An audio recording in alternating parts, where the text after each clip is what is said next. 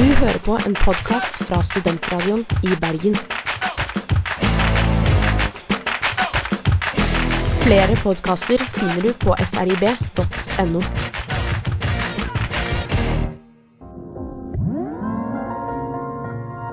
Good evening, ladies and gentlemen. I'm certain by now you have guessed that tonight's play is about gravity and people who resist the Earth's pull. Earth's pull. You're wrong.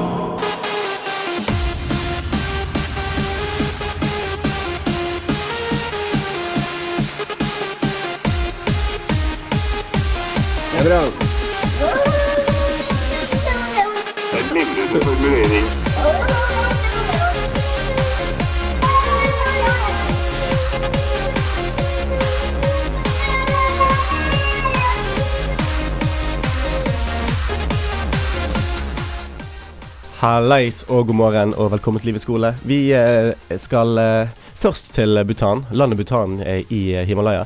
Der eh, dragekongen, som eh, tiltredde makten i 1972, 16 år gammel, eh, presterte å som En drage. Heter Eh, han dragekonge? Ja, de, de har dragekonge i Himalaya. Han var nummer fire i rekken, nå er det nummer fem, da. Avtakeren hans. Ja, så dette er en ganske sånn ny ordning med Forholdsvis ny. 1908 jeg tror det begynte med dragekonger. mm. Eh, greien var i er hvert fall at han byttet ut begrepet bruttonasjonalprodukt, som alle andre stater i verden bruker til å måle velstand og ressursene, med bruttonasjonal lykke. Og det er jo en veldig fin ting, fordi at Bhutan er det lykkeligste landet i verden, ifølge litt sånn forskjellige tester. Ja. Jeg vet ikke hva jeg skal stole på. Ifølge dragekongen. Ifølge dragekongen i Bhutan. Eh, vi skal snakke om lykke i dag på Livets skole, men først skal vi til et opprop. Steffen Askeleire, til stede. Øyvind Grimsgaard. Til stede. Kristian Tvedt til stede. Så eh, vi Hva vil dere si om lykke før vi går videre? Lykken er jo noe som vi alle søker, og eh, som eh, Det går jo til kjernen i dette her. Hvordan skal man leve? Som vi prøver å finne ut av eh, her i dette programmet her. Men hva er egentlig lykke, og hvordan blir man lykkelig?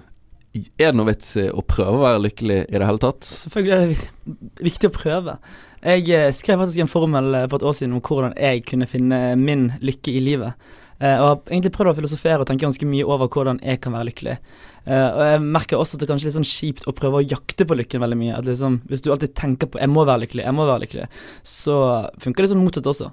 Ja, for det hindrer deg fra å være lykkelig i øyeblikket. Jeg tror Hvis du tenker på hele tiden 'er jeg lykkelig', så svarer man kanskje oftere nei enn ja. Men hvis du tenker mer over sånn 'har jeg det bra', så kanskje oftere ja. Men er det nok å bare ha det bra for å være lykkelig? Vi kan snakke om det i, i dag. Okay, du vil ikke, du vil Vi ikke ta kan en diskusjon nå? Nei, det er kanskje et større tema enn å si på noen ord. Men det er jo eh, veldig illustrerende at eh, verdens mektigste nasjon, USA, har nedfelt i grunnloven, i The Constitution, at eh, eh, en av de, eh, de rettene, de rettighetene man ikke kan eh, eh, miste, the unalienable rights, er the pursuit of happiness. Rights som ikke er for aliens. Ja, det Det er er bare for folk i USA. Men altså, det er jo det, for det er jo ikke sånn noen andre stater i verden. Hvorfor er det bare USA som har rett til uh, jakten på lykke? Har ikke vi rett til å jakte på lykke? Vi er ikke nedfelt i grunnloven vår. Nei, men går ikke, er ikke det litt sånn uh, underforstått? Man må jo få lov til å jakte på lykken. Det skjønner jo alle. Ja, det skjønner jo alle, men i, alle skjønner ikke det USA, og derfor må de ha det Men i det betyr ikke egentlig det i grunnloven i USA at uh, de kan bare jakte etter penger? Eller sånn Nei, nei, nei. friest land, sånn at man skal ha muligheten til å bygge opp den største formuen der? Jeg, jeg føler liksom det er egentlig det de mente med det, når de skrev det. Jeg, jeg, tror, jeg tror det Jeg tror ikke de mente penger. det på sånn her åndelig nivå, sånn Jeg at tror alle ikke skal alt handler om penger. Eh, I USA så tror jeg det handler om penger. Nei, det er ikke sånn. Det er ikke så enkelt. Uh, det er mange som gjør det, men jeg tror ikke de er så flinke til uh, å komme så langt i the pursuit of happiness. Men uh, vi skal definere hva lykke er, da. Mm. Først skal vi Og vi skal ha spalte i dag. Vi skal spalte, vi skal til ung.no, eh, for vi har jo hatt suksess med å svare på spørsmål derfra tidligere. Uten Mm. så mye kompetanse. Vi har fått uh, tilbakemelding fra de som stilte spørsmål om at uh, det, eh, de tok rådene til seg, og de har det bedre i livet nå. Spesielt det er han som spurte hva han skulle ha på seg på fest. Han det, Det gikk fint, for å si det sånn. Vil ikke gå inn på detaljer. Vi skal først til forrige ukes oppdrag.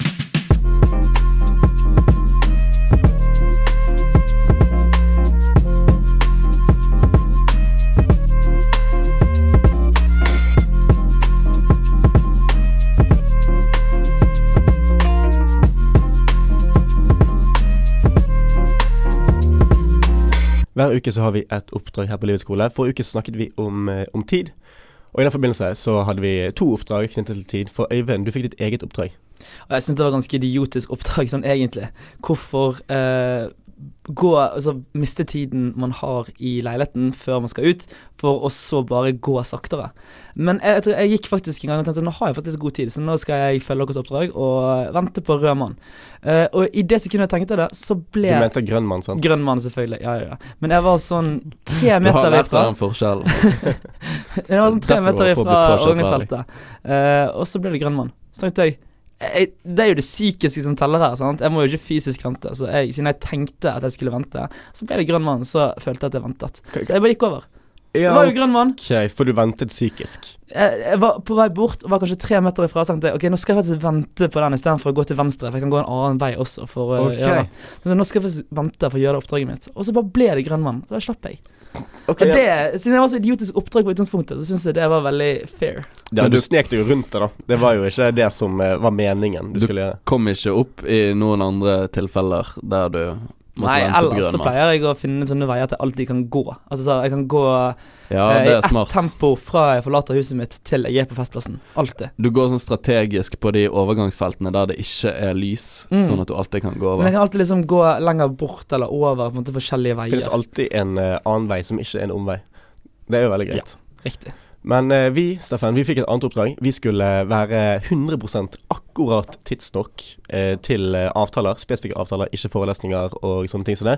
Eh, så, så Forst, for eksempel, der folk Ja. gjerne kommer to timer for seint. Spesielt det, da, som eh, Fordi at der er det jo gjerne et tidspunkt som står på Facebook. Står det liksom konkret 1900, og det alle skjønner at det ikke er meningen å komme da. Eh, men uh, jeg kom jo da uh, på det tidspunktet hey. til et fors i går, Eh, og eh, det var jeg, Da var jo jeg på en måte Det var jo ikke så mange mennesker der. Og ikke så mange mennesker jeg kjente på forset. Hvor mange andre var nøyaktig på det tidspunktet, da? Eh, det var vel fire mennesker. Hey. Hvor mange ble dere til slutt? Eh, en eh, Kanskje en eh, litt over 20. Sweet. Men fikk du noen nye venner, da? Hjalp det? Fikk du noe ut av det? Ja, jeg på en måte unnskyldte meg jo med at uh, det er fashionably early som er det Det nye neste.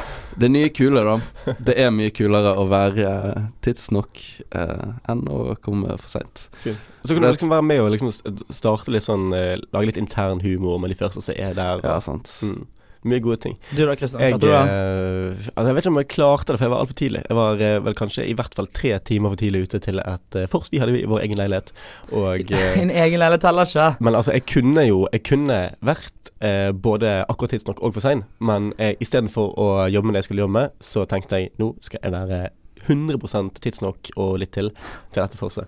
Um, men det var Den hyggelig. teller ikke. Den teller ikke. Du bare sniker Altså, du klager på meg at jeg sneker meg rundt på en utfordring, og så er dette din utfordring. Altså, jeg var, jeg var jo lenge i forveien, så jeg vil jo si at det er mer enn godt nok. Men det er jo ikke jeg, jeg, jeg, jeg burde slippe oppdraget de neste eget ukene. hus, så er jo det Men likevel, det var en avtale. Det var noen som skulle komme, og jeg var der før de. Så eh, jeg, jeg vant på mange måter dette oppdraget. Uh, vi skal snakke om lykken. Vi skal endelig komme til poenget denne sendingen handler om. Uh, først skal vi spille Boy Pablo med Your Phone. Det var Boy Paolo med Your Phone her på Studentradioen Bergen. Du hører på Livets skole, og vi snakker om eh, lykke. Vi er jo egentlig bare satt i gang, så vi kan kanskje begynne med å definere begrepet og, og skille lykke fra det mer normale glede. Ja, for det er en forskjell der. Eh, jeg tror ganske mange ikke forstår den forskjellen. Eh, for glede er jo rett og slett noe som gir deg veldig eh, kortvarig eh, lykke, på en måte. Så det varer i hvert fall over en veldig kort tid. Eh, og det kan være sånn klare sensoriske og sterke følelsesmessige komponenter. Um, som til og med liksom bare mat eller sex, for eksempel. Det kan gi deg lykke på veldig kort tid, men det er ikke det som kan gi deg egentlig den lykken som jeg syns det handler om. Um, for det jeg ser på som lykke, er noe som er indre altså Noe inni deg som varer for alltid. Uh, og jeg tror at hvis du har funnet lykken, så kan du være kjempelei deg over noe og faktisk grine og være helt på bunnen, men likevel være lykkelig. Eh, at der er en forskjell. Men du kan ikke være glad eh, mens du griner, men man kan være lykkelig mens man griner. Det finnes jo gledestårer, da. Er ikke det en Ja, okay, ja, men trist, da. Ok, Du kan ikke Ja. være Du kan ikke være Man du kan være trist og lykkelig samtidig. Greit. Um, men jeg skrev i hvert fall en formel uh, for et år siden. Um, siden jeg studerer økonomi og sånn, så må man skrive formler, vet du. Det er veldig viktig. Uh, og den handlet om hvordan jeg trodde jeg kunne finne min indre langvarige lykke. Uh, og det går på at det handler om tilstedeværelse, som er altså det mindfulness at jeg er i dette øyeblikket. Som vi snakket om forrige stikk, at man kan bare være i nåtiden. Eh, og forstå det. Eh, og så ganger jeg det med rett og slett en brøk. Eh, høyere forståelse delt på driv. Og det går egentlig på at eh, Litt sånn flow, vi har snakket om tidligere i denne tingen her. At jeg eh, må ha ambisjoner for noe. Jeg må ha en forståelse av hva jeg gjør. At Hvis jeg studerer eksempel til en eksamen, så må jeg skjønne at dette har en betydning for meg, og at det motiverer meg. For Hvis det har ingen betydning, så har jeg det ikke bra. sant? Eh, sånn at det som skjer i livet mitt, må jeg ha en høyere forståelse over og en motivasjon for.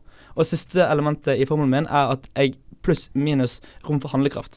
At hvis jeg er veldig giret og jeg lever i nuet, men har ikke tid til å gjøre noe av det jeg vil, absolutt ingenting, så tror ikke det jeg kan bli lykkelig heller. Hvis du alltid må være på jobb til klokken syv om kvelden, og så må du lage mat, og så må du egentlig legge deg eller hente kidsa i barnehagen, altså du har ingen tid for deg selv, så tror jeg også det kan begrense din lykke. Det går jo litt på det her eh, gamle skillet som eh, mellom det vi kaller for hedonisk og eudamonisk lykke. Og det, du beskriver jo gjerne det siste mer der, eh, Øyvind.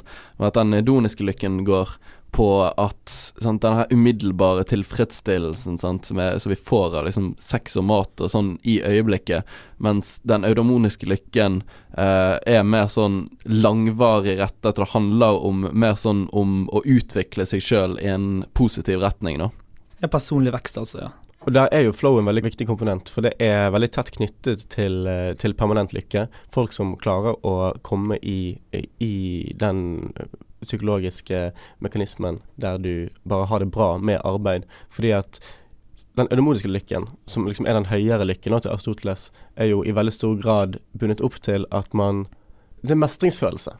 Ja, og det er kanskje Jeg, tror, jeg har litt sånn problem med sånn selve ordet lykke, for det at jeg tror vi har så mange sånn assosiasjoner til det, men så er det eh, et veldig sånn ullent og litt sånn tåkete begrep. Det er litt sånn uhåndgripelig. For at eh, jeg tror folk tenker på det som eh, noe veldig naturlig, men òg noe som eh, vi retter oss mot, men så vet vi ikke helt hva det er for noe.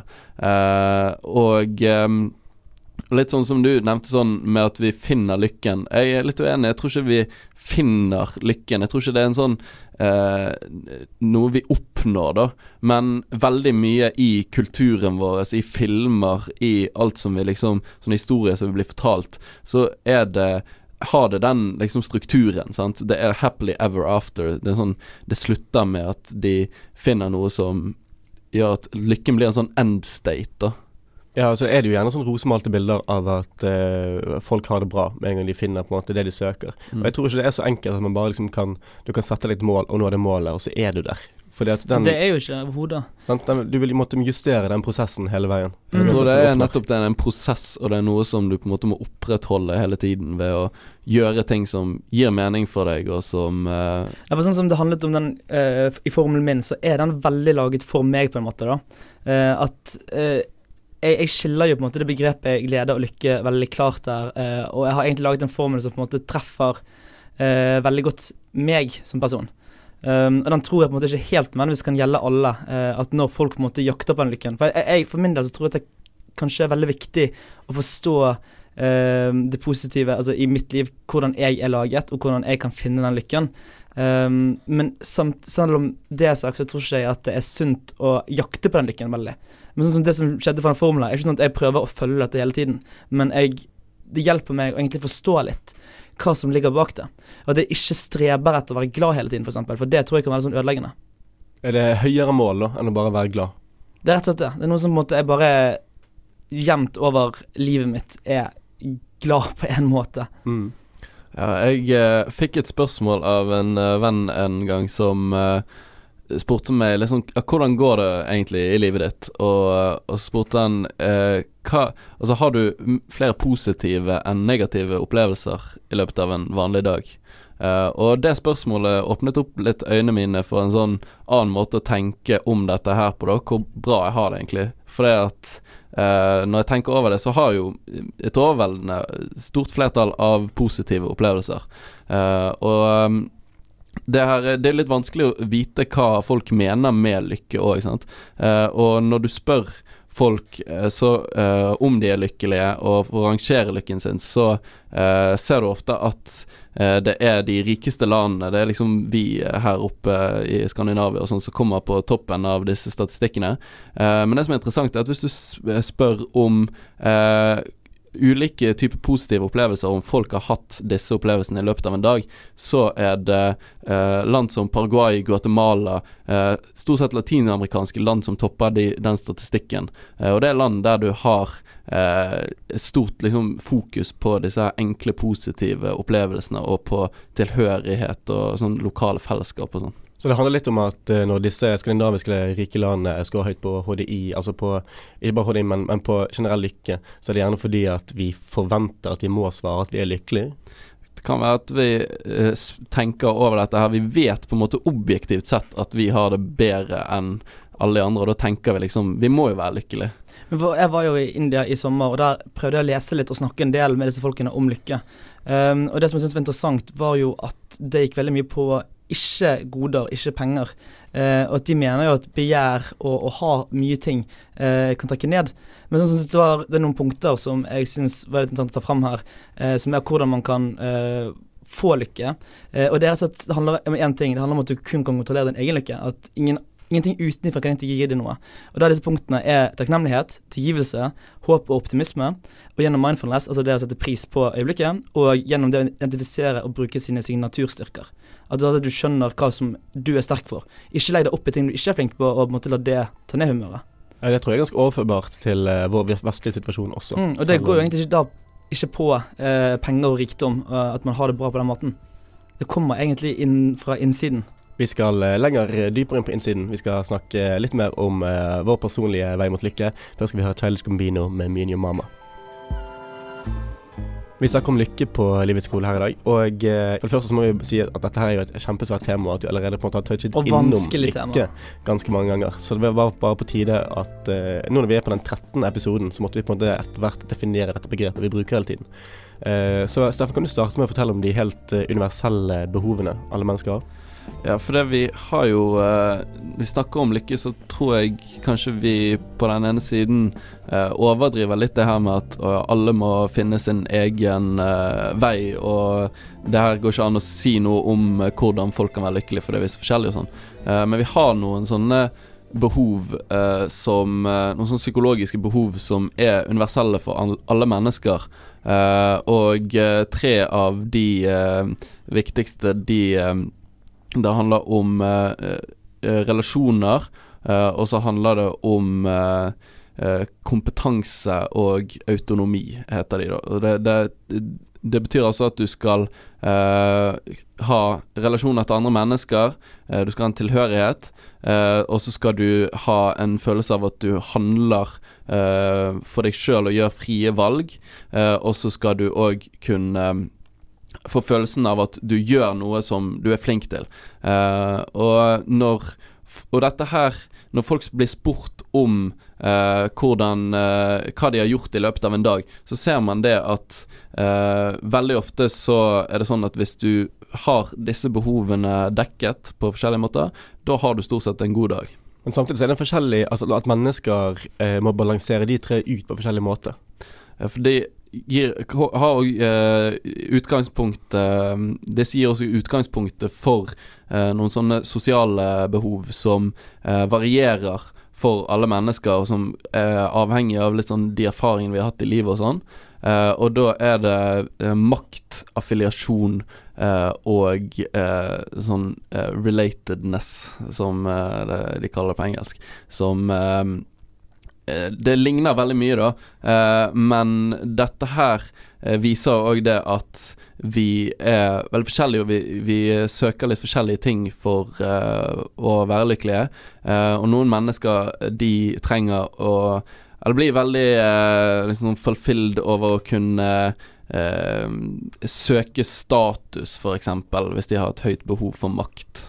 Ja, altså For å ta ut fra de punktene, da så for jeg, for jeg tenkte på det her som hvem, hvem er jeg, eh, og hvordan oppfører jeg meg, og hva er det som gir meg lykke, da.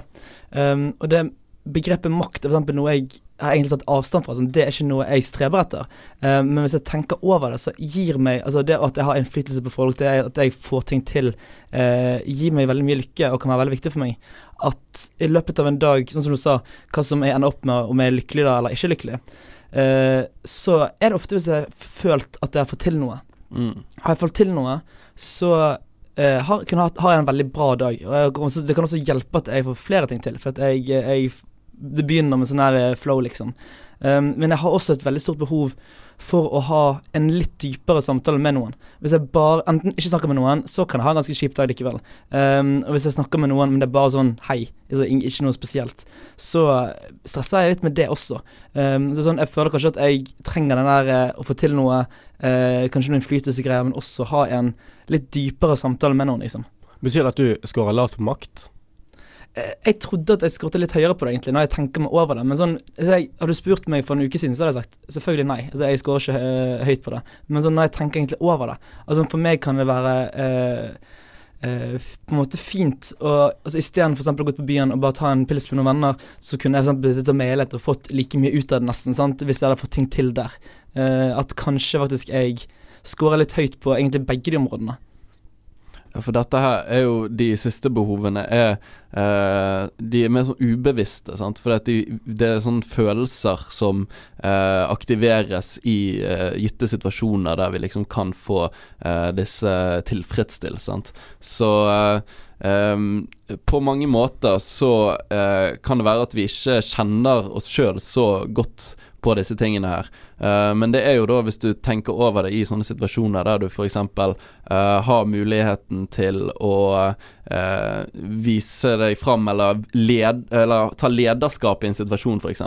Hvis du da føler eh, en stolthet og en forventning om å kunne eh, gjøre dette her, da er det antagelig at du scorer høyere på eh, på makta, f.eks. Mens hvis du føler mer sånn angst og du vil trekke deg unna, så skal du antagelig lavt på det. Og jeg tror jo at eh, hvis du eh, Bare ved det å reflektere litt over disse tingene og eh, sånn sett bli bedre kjent med seg sjøl og hvordan du fungerer, eh, så kan du òg bruke dette til å fungere bedre. For det at eh, nettopp det faktum at vi styrer så mye av sånne ubevisste ting og følelser og sånne ting, eh, det kan òg lede oss ut litt på feil, feil spor, da.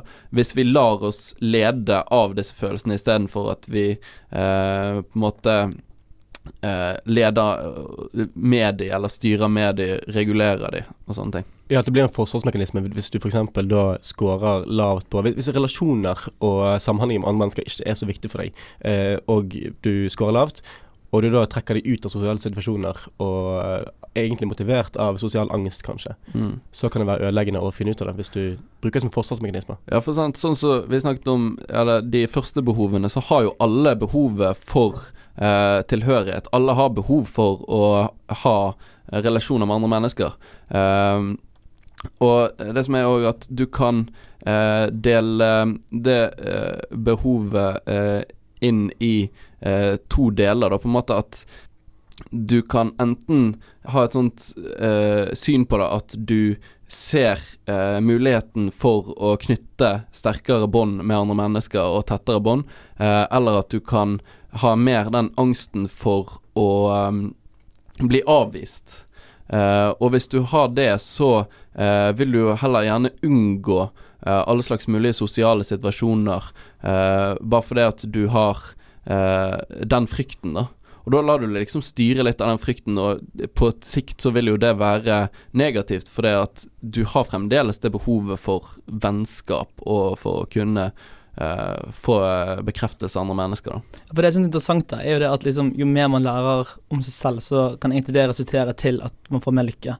Um, altså det jeg sitter igjen med her, er jo at um, jeg skjønner at hvordan altså Man snakker her om hvordan kan vi få lykke, og den måten vi egentlig kan få lykke, er jo rett og slett med å forstå seg selv, og da skjønner vi at alle mennesker i hele verden egentlig er forskjellige. At det er sånn det er sånn som er riktig, for sånn blir du lykkelig. Men jo mer du forstår deg selv, jo mer lettere er det rett og slett å leve bra eh, for den du er. Helt sant. Og eh, helt til slutt, da, før vi eh, skal høre en låt, er dere lykkelige?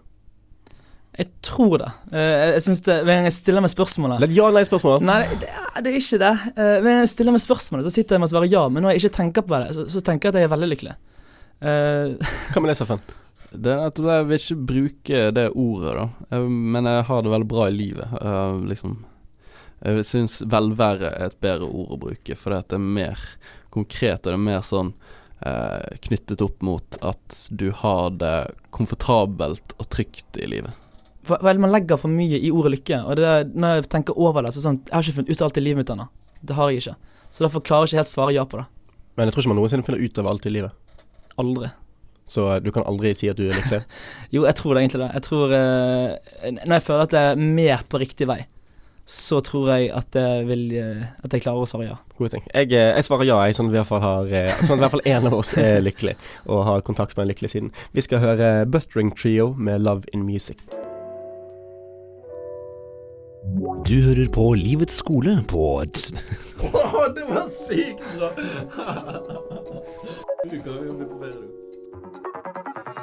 Du hører på Livets skole på Studentradioen i Bergen. Du hører på Livets skole på Studentradioen i Bergen.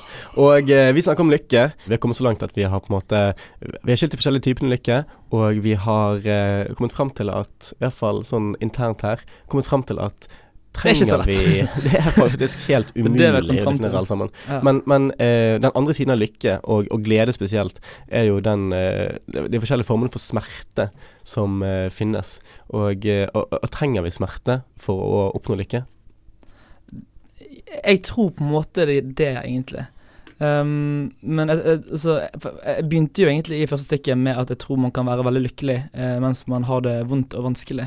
Um, og jeg føler jo at uh, livet er rett og slett alt. Uh, alt det gode, alt det onde, alt det enkle. Altså, hverdager er veldig hverdag, at alt det vanlige skjer. Og det er også en del av livet. Um, det skal ikke hele tiden skje det kuleste i verden, uh, eller selvfølgelig det tristeste i verden.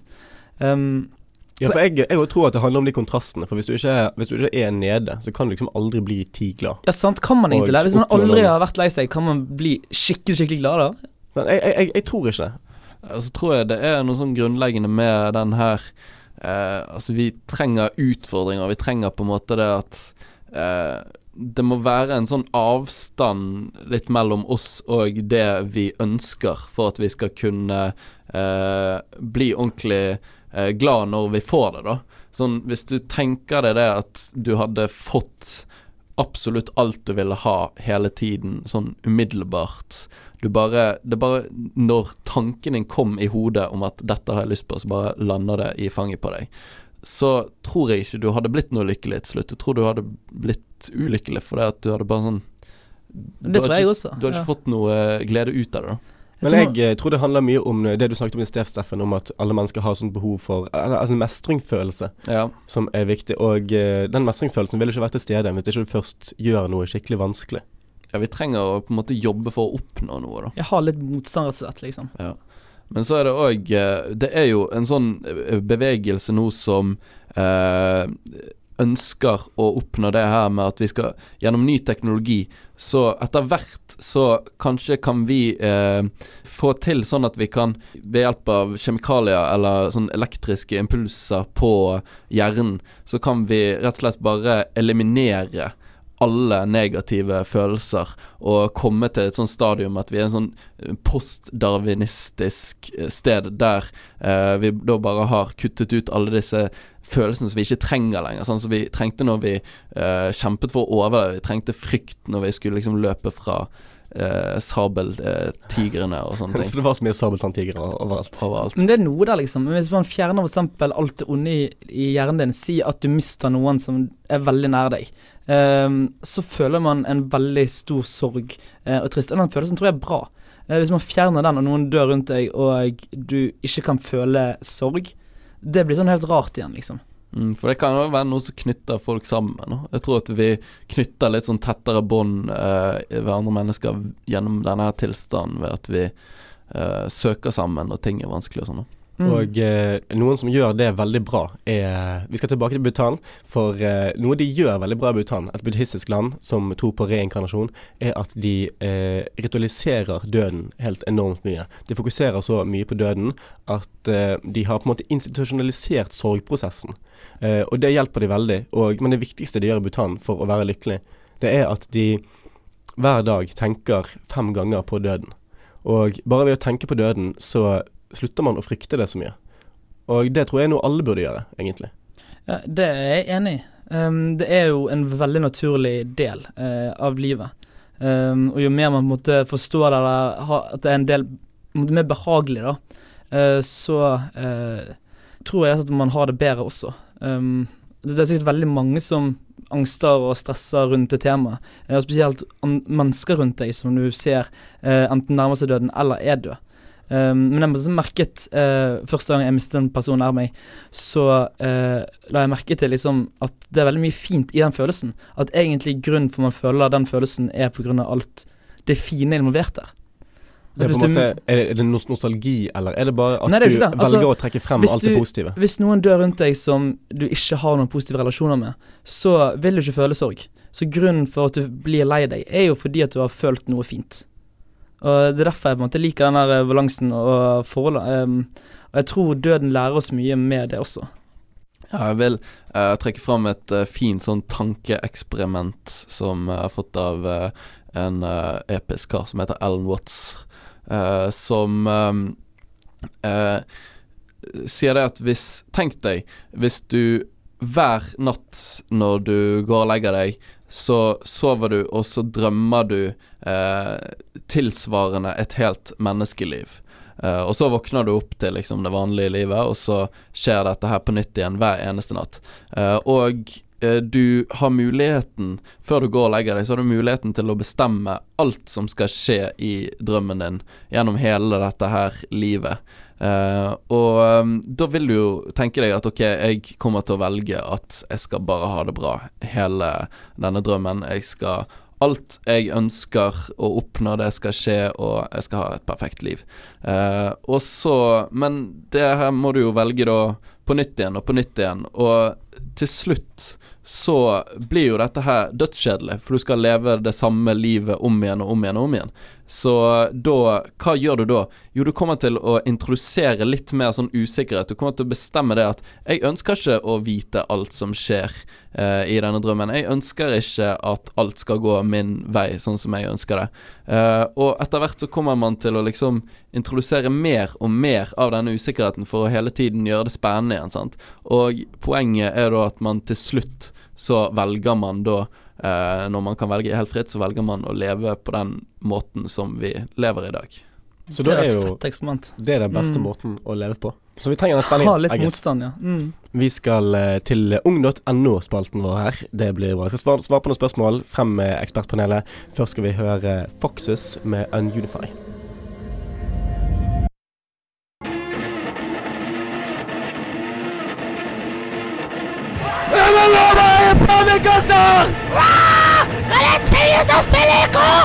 Hva vil jeg ta på VGS for å bli blankkonstable?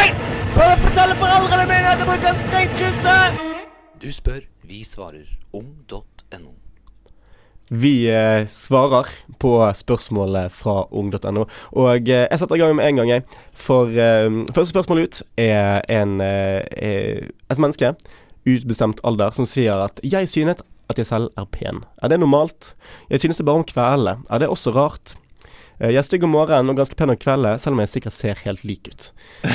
Så ekspertpanelet, Steffen Øyvind, hvordan tar vi for oss dette? Eh, det er i hvert fall rart at hun er stygg om eh, Eller han, var det hun? Eh, det det, det er ikke Nei, okay. Men det er litt rart, akkurat det. At man blir finere om kvelden. Hen. Ja. Hen. Eh, vi snakker om Vi bruker det kjønnsnøytrale pronomen. Men eh, Kan det være at alkohol måter er involvert, og derfor om kvelden så blir man litt sånn fyllere og jeg ser penere ut? Sånn Det er ganske hard dysleksi hvis dette mennesket er gammelt nok til å drikke alkohol. Så det tviler jeg på. Oh, ok.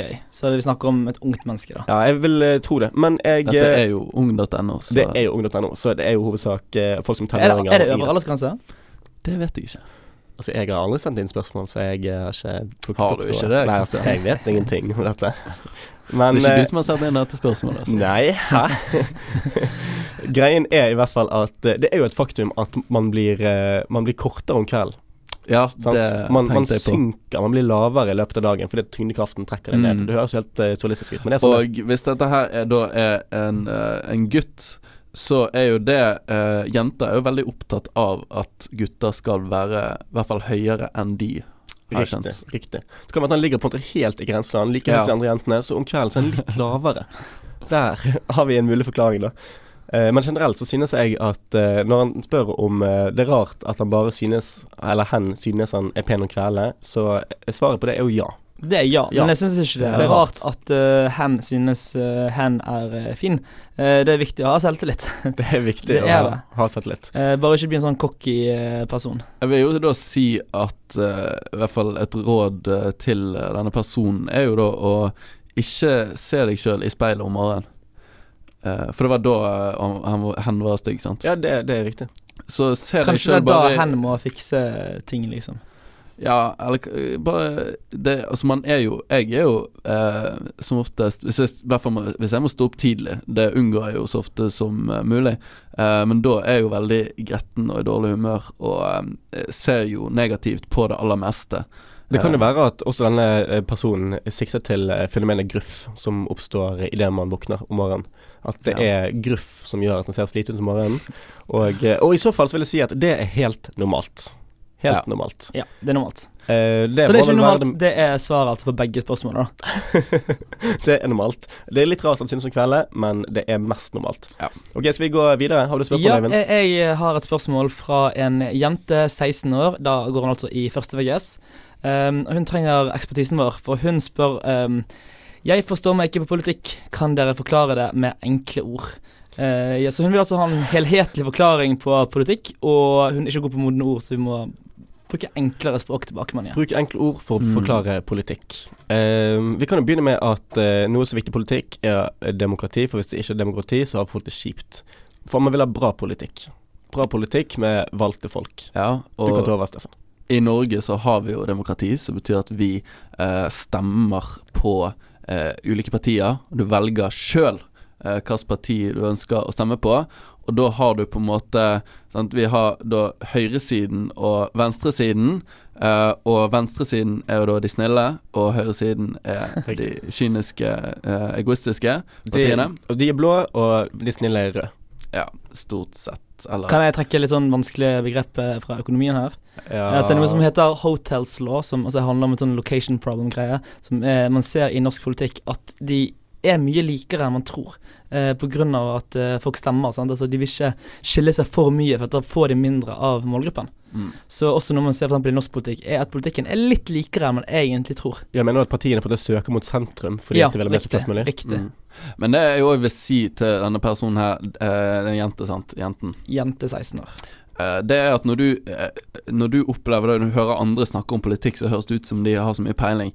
Det, de har ikke peiling. Altså sånn, det, du skjønner mer og mer jo eldre du blir. Spesielt sånne voksne menn og sånn, når de snakker om politikk. Når de snakker sånn Å, den nye veien som Det er jo så håpløst. Bruker bompenger og sant? Og all den kunnskapen har du lest i en artikkel, og så Det bare nettopp det. siterer Det er nettopp det. Alle bare tar på en måte andre sine synspunkter, og så bare leser de det, og så bare kverner de det ut som om dette er ting som de har tenkt på, og som de har peiling på. De har egentlig ikke peiling. Det er ingen som har peiling, egentlig. Nei, det er helt sant. Men det er de aller færreste. Forklar det veldig enkelt. Så bare Man stemmer eh, på det partiet man eh, liker, og så kommer de inn i regjeringen, og så velger de ting for oss. Ja, og så de gjør, gjør de de de, bra gjør, tingene. de gjør det bra for oss. De blir det- liksom Norges eh, sjef. Ja. Eh, eller Ja, det er jo det stat, statsministeren yes. i Norge blir, ja. Ja, så det er så enkelt. mm, Håper det hjalp. Takk for oss. det, Men det er helt normalt. Det er helt, det er helt normalt. Det er helt Bare les artikler og siter det når du er i middagsbesøk. Ja, jeg har et spørsmål da til slutt her fra uh, Jente13. Um, Hei, jeg har lyst til å bli russ, men jeg finner ikke ut hvordan jeg finner russebukse. 13 år. Jente 13. Uh, Og tror du hun har planlagt eh, russebuss og uh, selger sånn toalettpapir allerede nå? Det er sikkert skaminspirert, dette. her. Det er, Ah. Folk snakker liksom om den positive effekten skam har på folk, men det er åpenbart at det er ikke utelukkende positivt. For her er det noen som vil være russ for tidlig. Og først vil jeg si at det er normalt å ville være russ frem til du blir 18. Men tingen er at det er ikke så gøy, for det første. Ja, hvis du Nei, det var jo gøy. Nei, men, ja, men det, det er bare tror... sånn man vil bare oppleve det én gang, liksom. Det er bare det. Ja, men jeg tror hvis Altså, jo mer du gleder deg til russetiden, jo tidligere du begynner å tenke på det, jo mer skuffet kommer du til å bli. Nei, fordi det handler kanskje om det der å glede seg til noe. Uh, altså, jeg, jeg tror det kan gi lykke bare med å glede seg, liksom. Å planlegge. Altså sånn som Har du en bil eller buss, så tror jeg eksempel bare den planleggingsprosessen er minst like gøy som å ha bilen i rustinn Eller bussen. Ja, det er et viktig poeng, det er jeg enig i. Men, 13 eh, er litt tidligere ennå. Ja, Det er litt sånn sant, eh, Det finnes en sånn eh, en mellomting her. 13 er for tidlig. Men tingen, sånn, bare for å 18 for svare konkret på spørsmålet, så kommer det folk på skolen din, og du får Ja. teste bukser, og det, er sånn en kommer ikke til å bli noe problem. Du kommer Og ikke bare kommer de til å komme til deg, men de kommer òg til å sende deg sånn mail og SMS-er i mange år eh, Å, etterpå. Så eh, frykt ei. Nei, du får eh, bukse og kort og alt mulig. Men det er spørsmål, eh, 13 år, spør man om russekort da? Eh, ja, det tror jeg. Jeg tror det fremdeles er Det er noen som gjør det, ja. Mm. ja. Men eh, da eh, Altså, tips samt så mange russekort som mulig hvis du syns det er interessant. Og så kanskje du kan hente ut noen inspirasjon, fordi at du innser fort når du begynner på videregående skole, at de russekortene, de aller fleste russekortene er helt forferdelig dårlige. Ja, så det vil jeg si. Begynn å tenke på det nå. Hva skal du ha på russekortet ditt? For det at det kommer du til å være flau over. Men det er litt gøy hvis man eh, skriver russekortet sitt når man er 13 år, og så må man ha det når man er 18. Det burde vært en regel. Det er faktisk ganske gøy. Det er faktisk veldig gøy. Men det er altså helt normalt å tenke på. Vi Det er helt normalt. Må si eh, takk for oss eh, og eh, ung.no. Vi kommer nok tilbake og svarer på flere spørsmål fremover. Sendingen er snart over. Vi skal til Pomfletten, men først skal vi høre The Shins med Dead Alive. Du hører på Livets skole! Mandager fra 12 til 1 på Studentradioen i Bergen. Vi er kommet til pamfletten helt eh, i slutten av programmet her på Livets skole. Og det involverer at vi skal eh, føre opp nye regler, for det er jo det dette programmet handler om sånn egentlig. Jeg syns det var en veldig eh, happy jingle på et sånn trist punkt når vi er ferdig. Ja, Så du det var sånn motsatte følelser her. Man ble giret, og så vet jeg Nei, det er ferdig. Men det er kanskje bra at vi tar med oss den energien eh, inn i siste spalten, for her skal vi jo eh, finne ut hvordan vi skal leve et bedre liv. Og siden eh, temaet i dag er lykke, så eh, burde vi i hvert fall gå an å hente ut noe positivt. Godt poeng. Og som vi vet, så stopper jo ikke livet i skole nå. Den varer jo hele livet. Livets skole er jo et prosjekt som aldri slutter. Nei, riktig. Eh, jeg syns nå kanskje det viktigste å ta med seg fra det vi har snakket om i dag, det er jo at det er et skille mellom glede og lykke. Jeg tror det er litt viktig å forstå det, at ikke man jakter på å være glad hele tiden, for det tror jeg er umulig. Um, og heller ikke stille seg selv spørsmålet er man lykkelig, er man lykkelig, for det blir også litt sånn motsatt følelser igjen. Uh, og det tror jeg at uh, man klarer å finne den lykken med å kjenne seg selv bedre. Uh, og som jeg nevnte i disse punktene som jeg lærte i India, det, at liksom, det handler om at du har kontroll over din lykke. Uh, og den får du innifra. Så tenk på sånne, sånne ting som takknemlighet, tilgivelse, håp og optimisme, eh, mindfulness og det å identifisere og bruke sine signaturstyrker. Ikke bli lei deg over at ikke du er flink i de tingene der, for at du er kjempeflink i dine ting. Um, så Det var en lang regel. ja, men konklusjonen der er rett og slett at jeg syns eh, egentlig eh, regelen er å kjenne seg selv. Eh, men samtidig syns jeg også det er veldig viktig å understreke det med, med mindfulness da, og, ehm, eh, rett og slett ha det der eh, drivet og jaget mot noe også måte i livet. Um, altså du, Man kjenner seg selv og vet hva man også vil, men også hvordan du fungerer, hva som gjør deg lykkelig.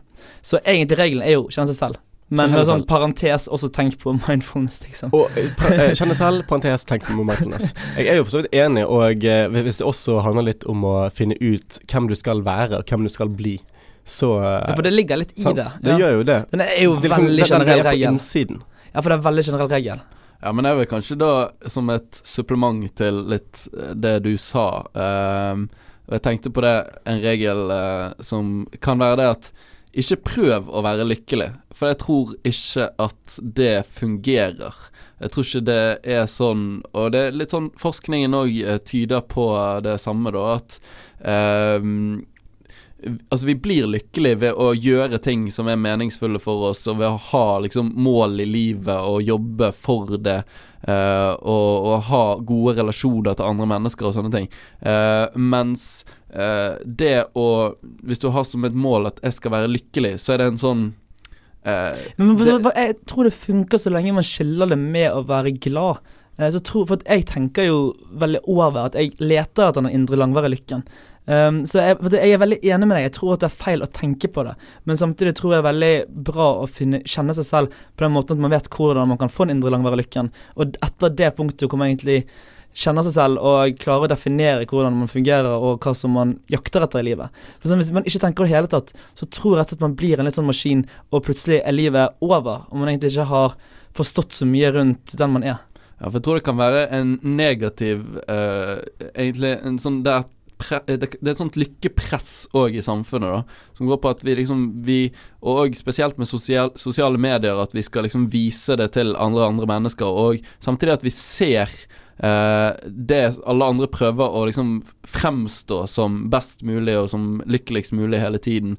Eh, og dette presset da, ved å, at vi tenker at vi skal være så lykkelige hele tiden, kan rett og slett bare virke mot sin hensikt at vi blir ulykkelige fordi at vi ikke er lykkelige, som er jo helt Ja, men det er paradoksalt, derfor jeg tror nemlig folk jakter etter det å være glad hele tiden, ikke lykkelig. At måte, det er der den forskjellen igjen er. Ja, men det er det problemet med selve begrepet lykke, at det betyr noe forskjellig for alle, eh, og Ja. eh, det er noe sånn helt Egentlig helt uangripelig. eh, Sånn, og så, så jeg tror heller bruk ordet velvære, da ville jeg heller brukt. Eller Men velvære igjen glede, syns jeg. Jeg, syns velvære igjen går på det, liksom, de mer kortvarige tingene. For det er det som gjør at jeg har det bra. Nei, men handler Det mer om å ha det komfortabelt og trygt i livet, da, og, og være fornøyd med livet sitt. Men vil man ha det trygt? For er ikke det en god ting at man utfordrer seg selv og eh, ikke går utenfor trygghetssonen?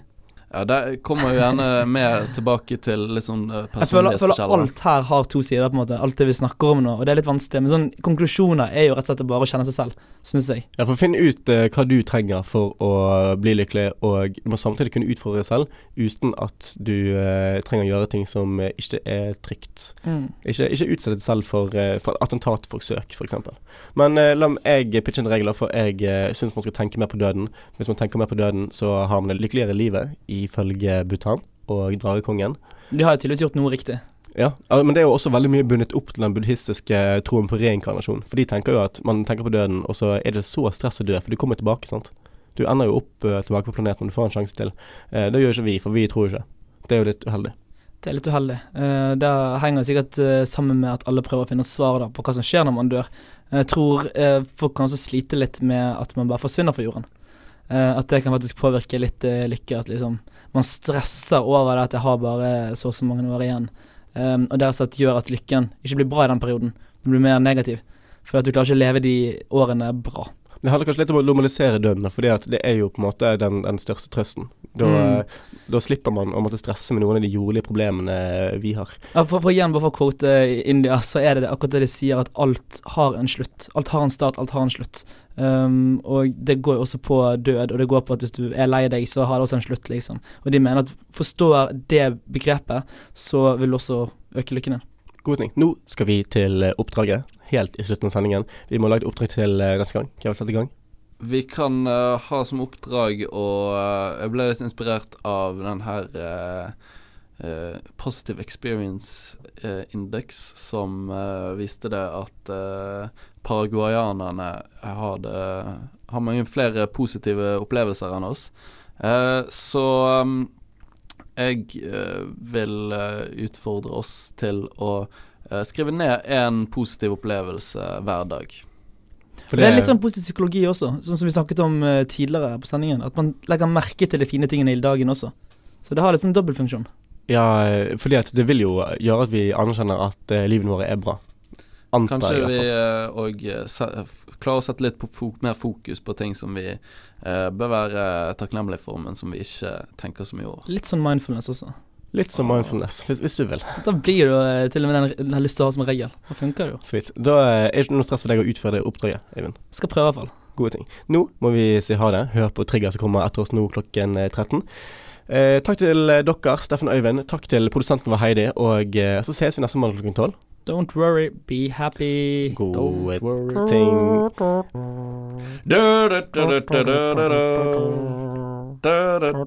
Ha det bra. Ha det!